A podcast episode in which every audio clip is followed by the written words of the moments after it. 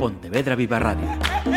Cara a cara. Damas y caballeros, la Asociación de Directores de Informativos de Radio y Televisión da la bienvenida a Marisa Castro Cerceda. Temos neste cara a cara a unha investigadora, bióloga, micóloga lucense con motivo da presentación da súa primeira novela, La saga das curandeiras. Está editado en galego castelán. Logo falaremos onde atópala. Marisa Castro, benvida. Hola, bons días. Contanos, por favor, ese mm, vínculo que hai entre esta actividade tan antiquísima de curandeiras, menciñeiras, compoñedores e a túa familia, porque o primeiro é todo o mesmo? Bueno, máis ou menos. É dicir, a veces a línea de separación entre unha cousa e outra é moi tan fina, tan fina que casi non existe. É dicir, unha persona que sabe compor osos normalmente tamén sabe facer curas, tamén sabe tratar certas enfermedades. Eh, é un pouco psicóloga, é dicir que tamén sabe un pouco como traballar a mente das persoas e eso realmente é moi difícil separar un pouco todas esas cousas. Uh -huh. E preguntabasme por que, vamos, que relación teño eu con curandeiras. Eu vivín entre curandeiros, é dicir, meu avó paterno era un prestixioso curandeiro en Lugo, Eh, todo o mundo dixo, me dicía que era menciñeiro, que só compuña osos. Eu, ao largo da miña vida, que fun facendo moitas preguntas, sei que había máis cousas que curar osos, que, que arreglar osos. El tiña tamén algunhas plantas que utilizaba pois, para facer certas, curar feridas, curar, desinfetar. Eh, esas cousas eu conocínas tamén despois a través de meu pai, que foi dos fillos o que seguiu tamén a súa liña e exerceu prácticamente hasta que morreu. E eso mantúvome sempre con, con moita admiración hacia eles, porque eu vía que eran capaces de facer cousas que outras persoas non facían. E sobre todo, no caso do meu avó ainda máis, porque meu avó desplazábase kilómetros na súa besta para ir atender unha vaca que caera por un barranco ou unha persona que torcera un pé ou que non, e que non podía andar. E eso de dar o mellor dun mesmo, é dicir, dar o noso tempo e dar o noso saber que máis generosidade se lle pode pedir decir que realmente eu admirei no sempre moito. Uh -huh. Como ben acabas de explicar, eh, é un saber que transmítese ou transmitíase de xeración en xeración. Ten dúas facetas. Ten unha faceta que é de transmisión directa, é dicir, tú aprendes porque te ensinan directamente, pero tes tamén outra segunda parte que é unha certa un certo don, entre comillas, que che axuda e que te permite facer certas cousas que outros non fan. Cire, no caso, por exemplo, de meu pai, eran cinco irmáns, dos cinco irmáns solamente dous tiñan certas facultades e solamente ele exerceu, a outra uh -huh. persona por razóns da vida non exerceu Eu solo dicir que meu pai tuvo dúas fillas e creo que son eu a única que ten tamén certo uh -huh. certo don para arreglar e para unha certa sensibilidade para arranxar certas cousas. Em, as xentes desta terra eh, entenden perfectamente o que estás a explicar. Pero mm, quizáis para os que son de fora isto de decir mm, tiña ese don, eh, sabían como facer estas cousas eh, e aínda máis nestes eh, tempos, pode costar entendelo. Sí, é curioso, pode costar entender eso e non costa creer en Dios, que tampouco ven. É dicir, é que eu non entendo esas reticencias que hai para certas cousas e para outras unha credibilidade e unha fe absoluta. É dicir, eu realmente isto é unha cousa que se ve. Entón, tú podes entendela ou podes non entendela, pero aceptala ou non é que está aí uh -huh. sabela, e eu eso creo que, vamos, que non hai nada que discutir, e decir que realmente ben, e cousas que, si eu acostumbro, estes días además estou dicindo moito, é dicir, mm, habrei cousas que ahora mismo non, nos las sabemos explicar, pero os nosos netos, posiblemente sepan explicar porque a ciencia avanza. Uh -huh. E entonces algo cousas que hai 50 anos non se explicaban, hoxe explícanse. Dentro de outros 50 explicaránse moitas máis que hoxe non entendemos. Ajá. Estaba a, a ler cando estaba a preparar esta, esta conversa, que mm, hoxe en día quedan eh, moi poucas eh, persoas dedicadas a, a estas tarefas. Para min está sendo unha sorpresa, porque unha das cousas que está tendo esta, esta novela é que por unha parte si fixen un soño realidad, pero por outra parte a verdade é que estou pateando Galicia, pero estou aprendendo moito, moito.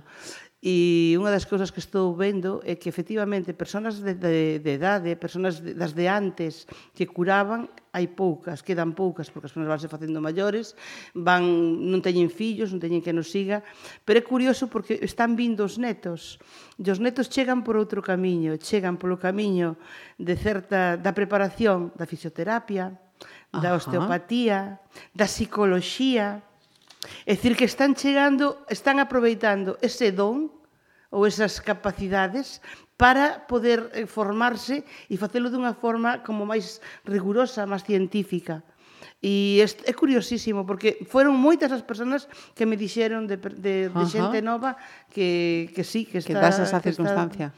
Está aceptando uh -huh. aquelo que viviron, que aceptan ben, e logo que están facendo todo o posible para uh -huh. seguilo, evidentemente noutras circunstancias, porque teñen clínicas eh, oficiales, digamos, pero siguen aproveitando aquilo que aprenderon para aplicalo aos seus Ajá. clientes e pacientes. E, e no teu caso, Marisa, dis eh, incluso que tes es, ese don. Eu sinto que sí. Pero eres bióloga. Has podido confrontar, non sei se é o verbo axeitado, para vencellar ciencia, tradición? A ver, eu nunca exercín, evidentemente, porque, entre outras cousas, cando lle dixen a meu avó se me ensinaba, el dixo, me vas vivir desto? E dixen, non. E dixo, pois entonces non te ensino. Foi un pouco así. Pero mm, eu sí teño, teño facilidade pois, para arreglar un, un tobillo, para eso teño feito cousas no monte eh, de haber un problema e son capaz de resolvelo. Pero eu metinme máis casi polo, polo outro lado, é dicir, polo mundo da botánica. Ajá. É dicir, buscar as plantas que usaban, por que, por que funcionaban, Eh, é dicir, eso que decía antes, a ciencia avanza, entonces uh -huh. ver que cousas que eu non entendía ou que me parecían que podían parecer pois bruxería, e que non era, porque realmente ten unha explicación, aquela planta é antiinflamatoria, é, ten por carácter propiedades antibióticas, ten, é dicir que es, eu entrei por aí, e por aí sí que traballei moito, moito, uh -huh. moito, teño moito traballo feito. De feito, agora acabo de publicar no, en portugués, un, no norte de Portugal e para norte de Portugal e Galicia un libro de plantas tóxicas comestibles e curativas. E un pouco buscando esas explicacións. Uh -huh. Rosalía Carcedo é a protagonista sí. desta novela. Xa casi como da miña familia. Sí, imagino que ten que ser. E, e mostra, entre outras eh, cousas, polo que estaba a ler, como dende fora veían a estas eh, persoas, as persoas que acudían para as súas eh, doenzas, e como as veían desde instancias religiosas e autoridades civis Sí, vamos a ver, por unha parte, eh, a xente que iba e que, lle, que ia xunto delas e que lle salía ben a cura, porque esta xente, como todo, como médicos e como todo o mundo, tamén se equivocaba. Entón, se lle salía ben, para ela era xa Dios, a partir dese momento xa que non lle falaran mal dela. Se lle iba mal, bueno, as cousas xa se miraban dunha forma distinta. Eso por un lado. Por outra parte está o vecindario, a xente que vive ao teu lado. Eu acostumo a decir que se en vexa voara nunca veríamos o sol. Eh, eso é verdade, dicir, si esas persoas tamén eran vexadas. Entonces, como ademais eran persoas que tiñan unha capacidade analítica maior.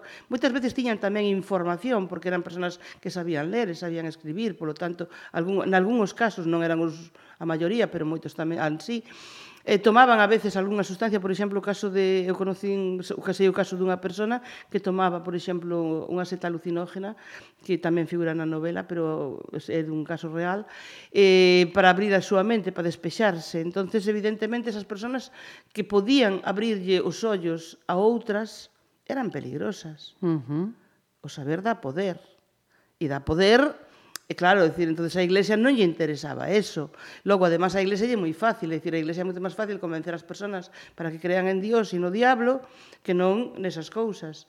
E eso por outro lado. E logo, as, bueno, vivimos na ditadura, é dicir, foi, eso desarrollase ao longo da ditadura, uh -huh. e a ditadura tamén aproveitaba para controlar estas persoas que lles podían decir aos outros cousas que non interesaban. Que non interesaba, ajá.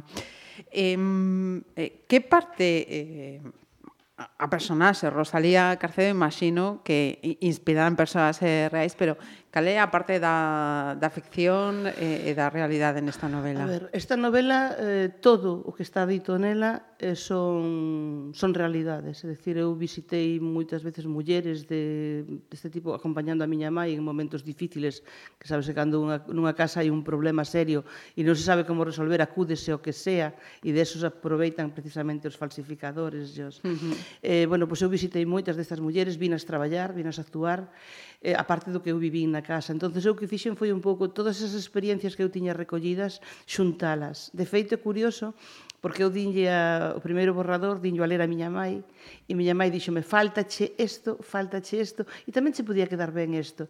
É dicir, que ela tamén acorda, o sea, reconocía perfectamente as situacións. Uh -huh. e entonces eh, vía que era que necesitaba. Por eso nesta, nesta personaxe, unha personaxe ficticia, efectivamente, toda ela, toda a familia, todo eso todo é ficticio, pero todo o que lle ocurre foi real uh -huh. en algún para unha ou outra persona.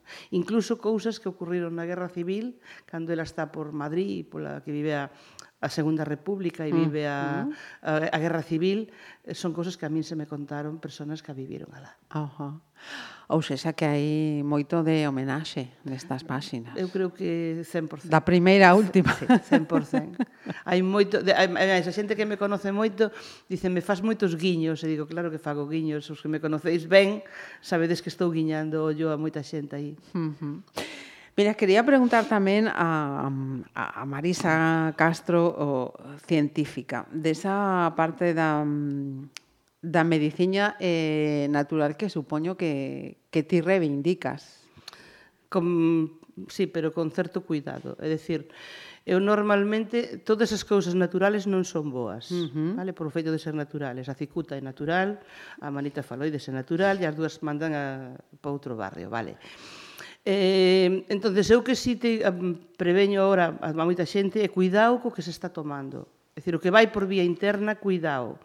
Porque eh, o que vai por vía interna, por unha parte, pode non ser tan benigno como creemos. Eh, as dosis é difícil calculalas. As cantidades de sustancia que unha planta ten non é o mismo que sintetiza a beira do mar que nunha montaña. Por lo tanto, dificultanos máis aínda. E se estamos medicaos, e creo que todos os que temos máis de 60 anos estamos medicaos contra algunha cousa crónica, que se o colesterol, que se o azúcar, que podemos estar tomando cousas que están sendo contraindicadas contra con esa ese, medicina, contra esa medicina. Sí, sí, sí, sí, sí. Entonces o que estamos facendo é peor, porque anulamos aquilo que nos iba ben e estamos metendo uh -huh. algo gratuitamente. Eu polo menos, polo menos xa non sei se decir que o pregunten ao seu médico, pero en calquera caso que o consulten co farmacéutico uh -huh. antes de tomar absolutamente nada. Entramos eh, precisamente por donde quería ir porque mm, a, agora mesmo do que falábamos, bueno, pues, eh, curandeiros, meciñeiros, compañadores, pero hai eh, moito falso gurú que aproveita as redes sociais. Estou pens a pensar nun caso concreto que a mí chamoume atención, eh, o hai uns meses ou o pasado ano, que era o tema, por exemplo, por exemplo, do aloe vera. Púxose de moda o tomar aloe vera, porque o aloe sirve vera todo, sí. cuidadiño. Cando unha cousa sirve para todo, que a mellor non sirve para nada. É dicir, cuidado cas con esas cousas. É dicir, eh, eh, non hai nada que sea máxico e que sirva absolutamente para todo. Entón, o aloe vera é bon por vía interna, vía por externa, é para o pelo, é para as uñas, é para as feridas, é para Señores, se si todo fora así, Benito, que para que temos farmacias, para que temos médicos, con untarnos con aloe vera todos os días pola mañá e tomarnos unha taciña de desayuno xa estaríamos perfectos. E non é así, no. Mira, unha cousa que, además a forza de, de ler e de estudiar as, nas plantas, unha cousa que é curiosa, por exemplo, todo o mundo toma alegremente tazas de poleo, de infusión de poleo. Uh -huh. O poleo é abortivo, Unha persona que este eh, con, unha, con un embarazo de risco non pode pasarse. Unha taza ao día non lle fai nada. Ora, dous litros ao día ao mellor causa problemas. Uh -huh. Entón, é dicir, algo tan inocuo como eso. Sí, sí. Entón, claro, é dicir, hai que saber o que se toma, ya saber o que, o que se está facendo. Non hai plantas máxicas, non hai nada que resolva absolutamente todo. Uh -huh. Eso está claro. Ou seja, que moito sentidiño, como se di aquí, todas esas persoas que veñen... Eu dicía en... hai un momento que publiquei agora un libro e publiquei no cunha señora da aldea, de, de, dunha aldea da señora de Trasos Montes, e eu, se me enamorei desas muller, era pola súa prudencia. Uh -huh. Toma dúas folliñas, non botes máis, non faga, por botar máis non, te, non se fai millor, ten cuidado con isto. Estás tomando que? Non, non tomes que estás tomando eso. Unha muller que ten un coñecimento incluso moi avanzado mm, agora de cousas que se están tomando da, da farmacia e que non se poden mesturar.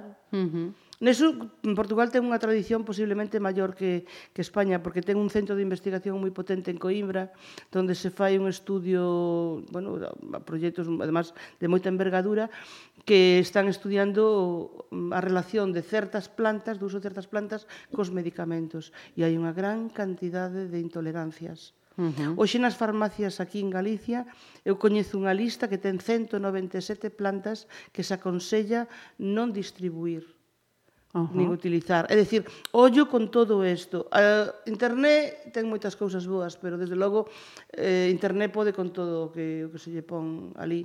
Sí, non sí, hai porque filtro. Te, ti miras remedios naturais para non hai filtro. bueno. Logo, outra cousa, por exemplo, que eu chamo tamén a atención ás persoas, é dicir, se tú colles unha estás consultando algo sobre plantas e non hai un nome científico ao lado dun nome vulgar, eso non vale para nada, porque non sabes a que se refire ese nome vulgar. O sea, eu, por exemplo, ahora nesta na novela eh, utilicei os nomes populares que se utilizan na zona de Lugo. E eu sabía o risco que corría con eso. Fixen ao final unha lista de nomes científicos que as súas correspondencias en popular. Para que, pa que a persona saiba o que está usando. Porque un nome popular daqui é igual a outro nome popular, pois non che digo, non, non xa non de Vila García, pero pois outro nome popular de, de, de Lugo, e o mellor senso referindo a cousas completamente diferentes. Entón, se non hai nomes científicos, a información, cero non vale. Porque se do que eu sei, sei que está mal, o cabrá do que eu non sei. Uh -huh. Entonces é que non, non ten sentido. Mira, ahora que, que decías eso, eh, lembrou unha situación da que foi testigo o pasado verán na praia unas eh, mulleres viñan da, da auga e eh, dixeron traemos o aperitivo e comezaron a comer unhas algas que habían recollido da, claro Seguramente iban tamén uns metales pesados bastante acumulados, irían outras cousas, e a saber se as algas eran o que elas pensaban que eran, claro, porque e da playa, onde estaba todo Dios bañándose cerca delas, é dicir que aquilo tiña, vamos, totalmente depurado. Va. Bueno, aquilo, eso non, non, non se pode facer así. Non se pode facer así. Sentidiño. É o primeiro. E, e xa que falabas da, da manita, eh, e ti que sabes moito de, de, de setas, de, de, de hongos, eh, aí non aprendemos, eh? Bueno, eh, o meu maestro decía selección natural. É dicir, se si un se arrisa a comer o que non sabe, pues mira. O mesmo que das algas. Claro, é que é igual, é dicir, a ver, eh, cada un ten que conocer as súas propias limitacións e sobre todo respetar os profesionales, é dicir, se hai un profesional de hostelería que leva unha, unha, un, algo para comer que está perfectamente eh, pasou xa un registro sanitario, que ten unha é unha cousa, se tú vas e apañas, bueno, pois pues mira, Eu iso podo entendelo cando hai moita fame, pero afortunadamente, a pesar do mal que está o mundo, non... Estamos momentos, tolos, non, eh, Marisa? Non, non temos. Ora, o do natural, bueno, cando foi a época en Rousseau tamén pasou igual, e logo a moda pasou, porque a xente deuse conta que aquilo non era... O...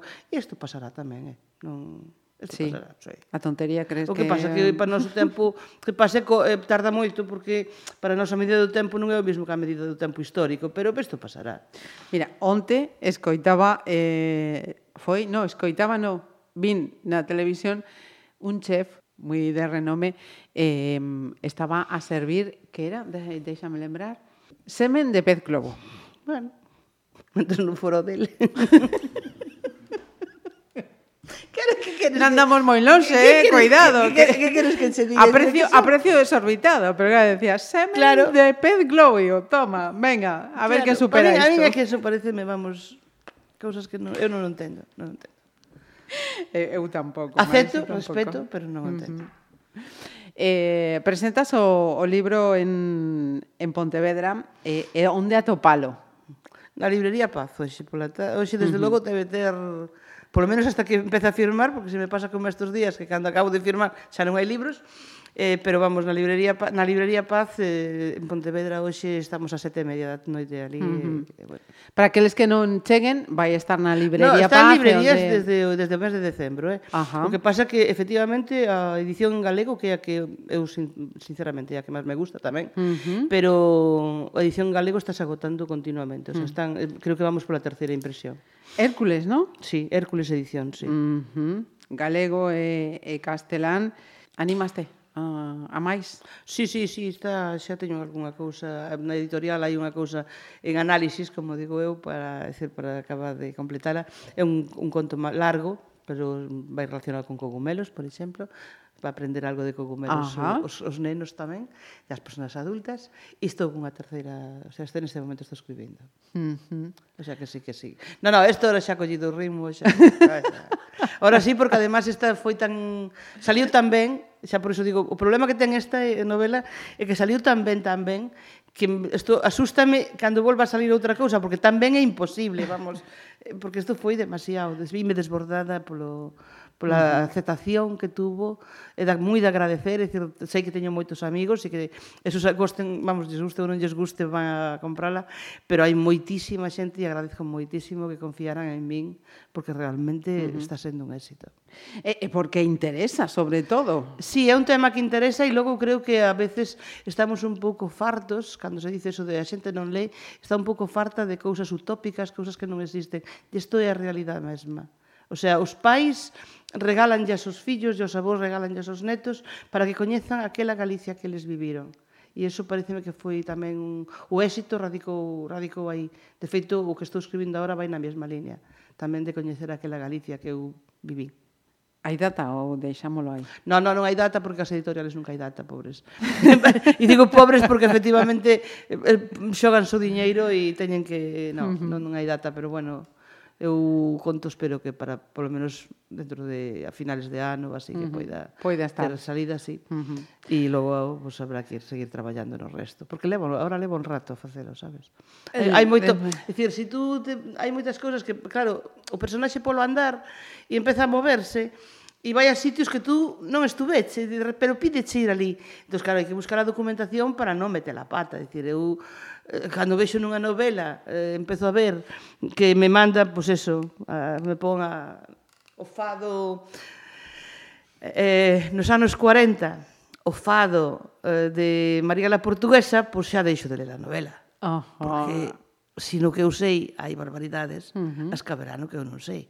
Mira, eh, esa vinculación con, con Portugal, Marisa, porque estou... Eu con Portugal que... ahora mismo estou moi vinculada porque o meu home é portugués ah, e, vale. e os, meus fillos, os meus fillos son portugueses e entonces agora estou pois, moito tempo por alá. Agora vale, que me jubilei vale, estou vale. moito máis tempo por alá que por, por acá. Uh -huh. Por eso, moi eh... ben. Pois a saga das eh, cunandeiras de Marisa Castro. Moitísimas gracias, un placer esta gracias, charla. A, gracias a ti que foi deliciosa esta entrevista. Gracias. Pontevedra Viva Radio. ¿Me permiten que les haga un comentario como espectadores del programa Cara a Cara? Según un reciente sondeo de mercado, ustedes disponen de estudios e inteligencias superiores a la media. Sus intereses abarcan desde la actualidad mundial y la ciencia hasta el deporte y los espectáculos.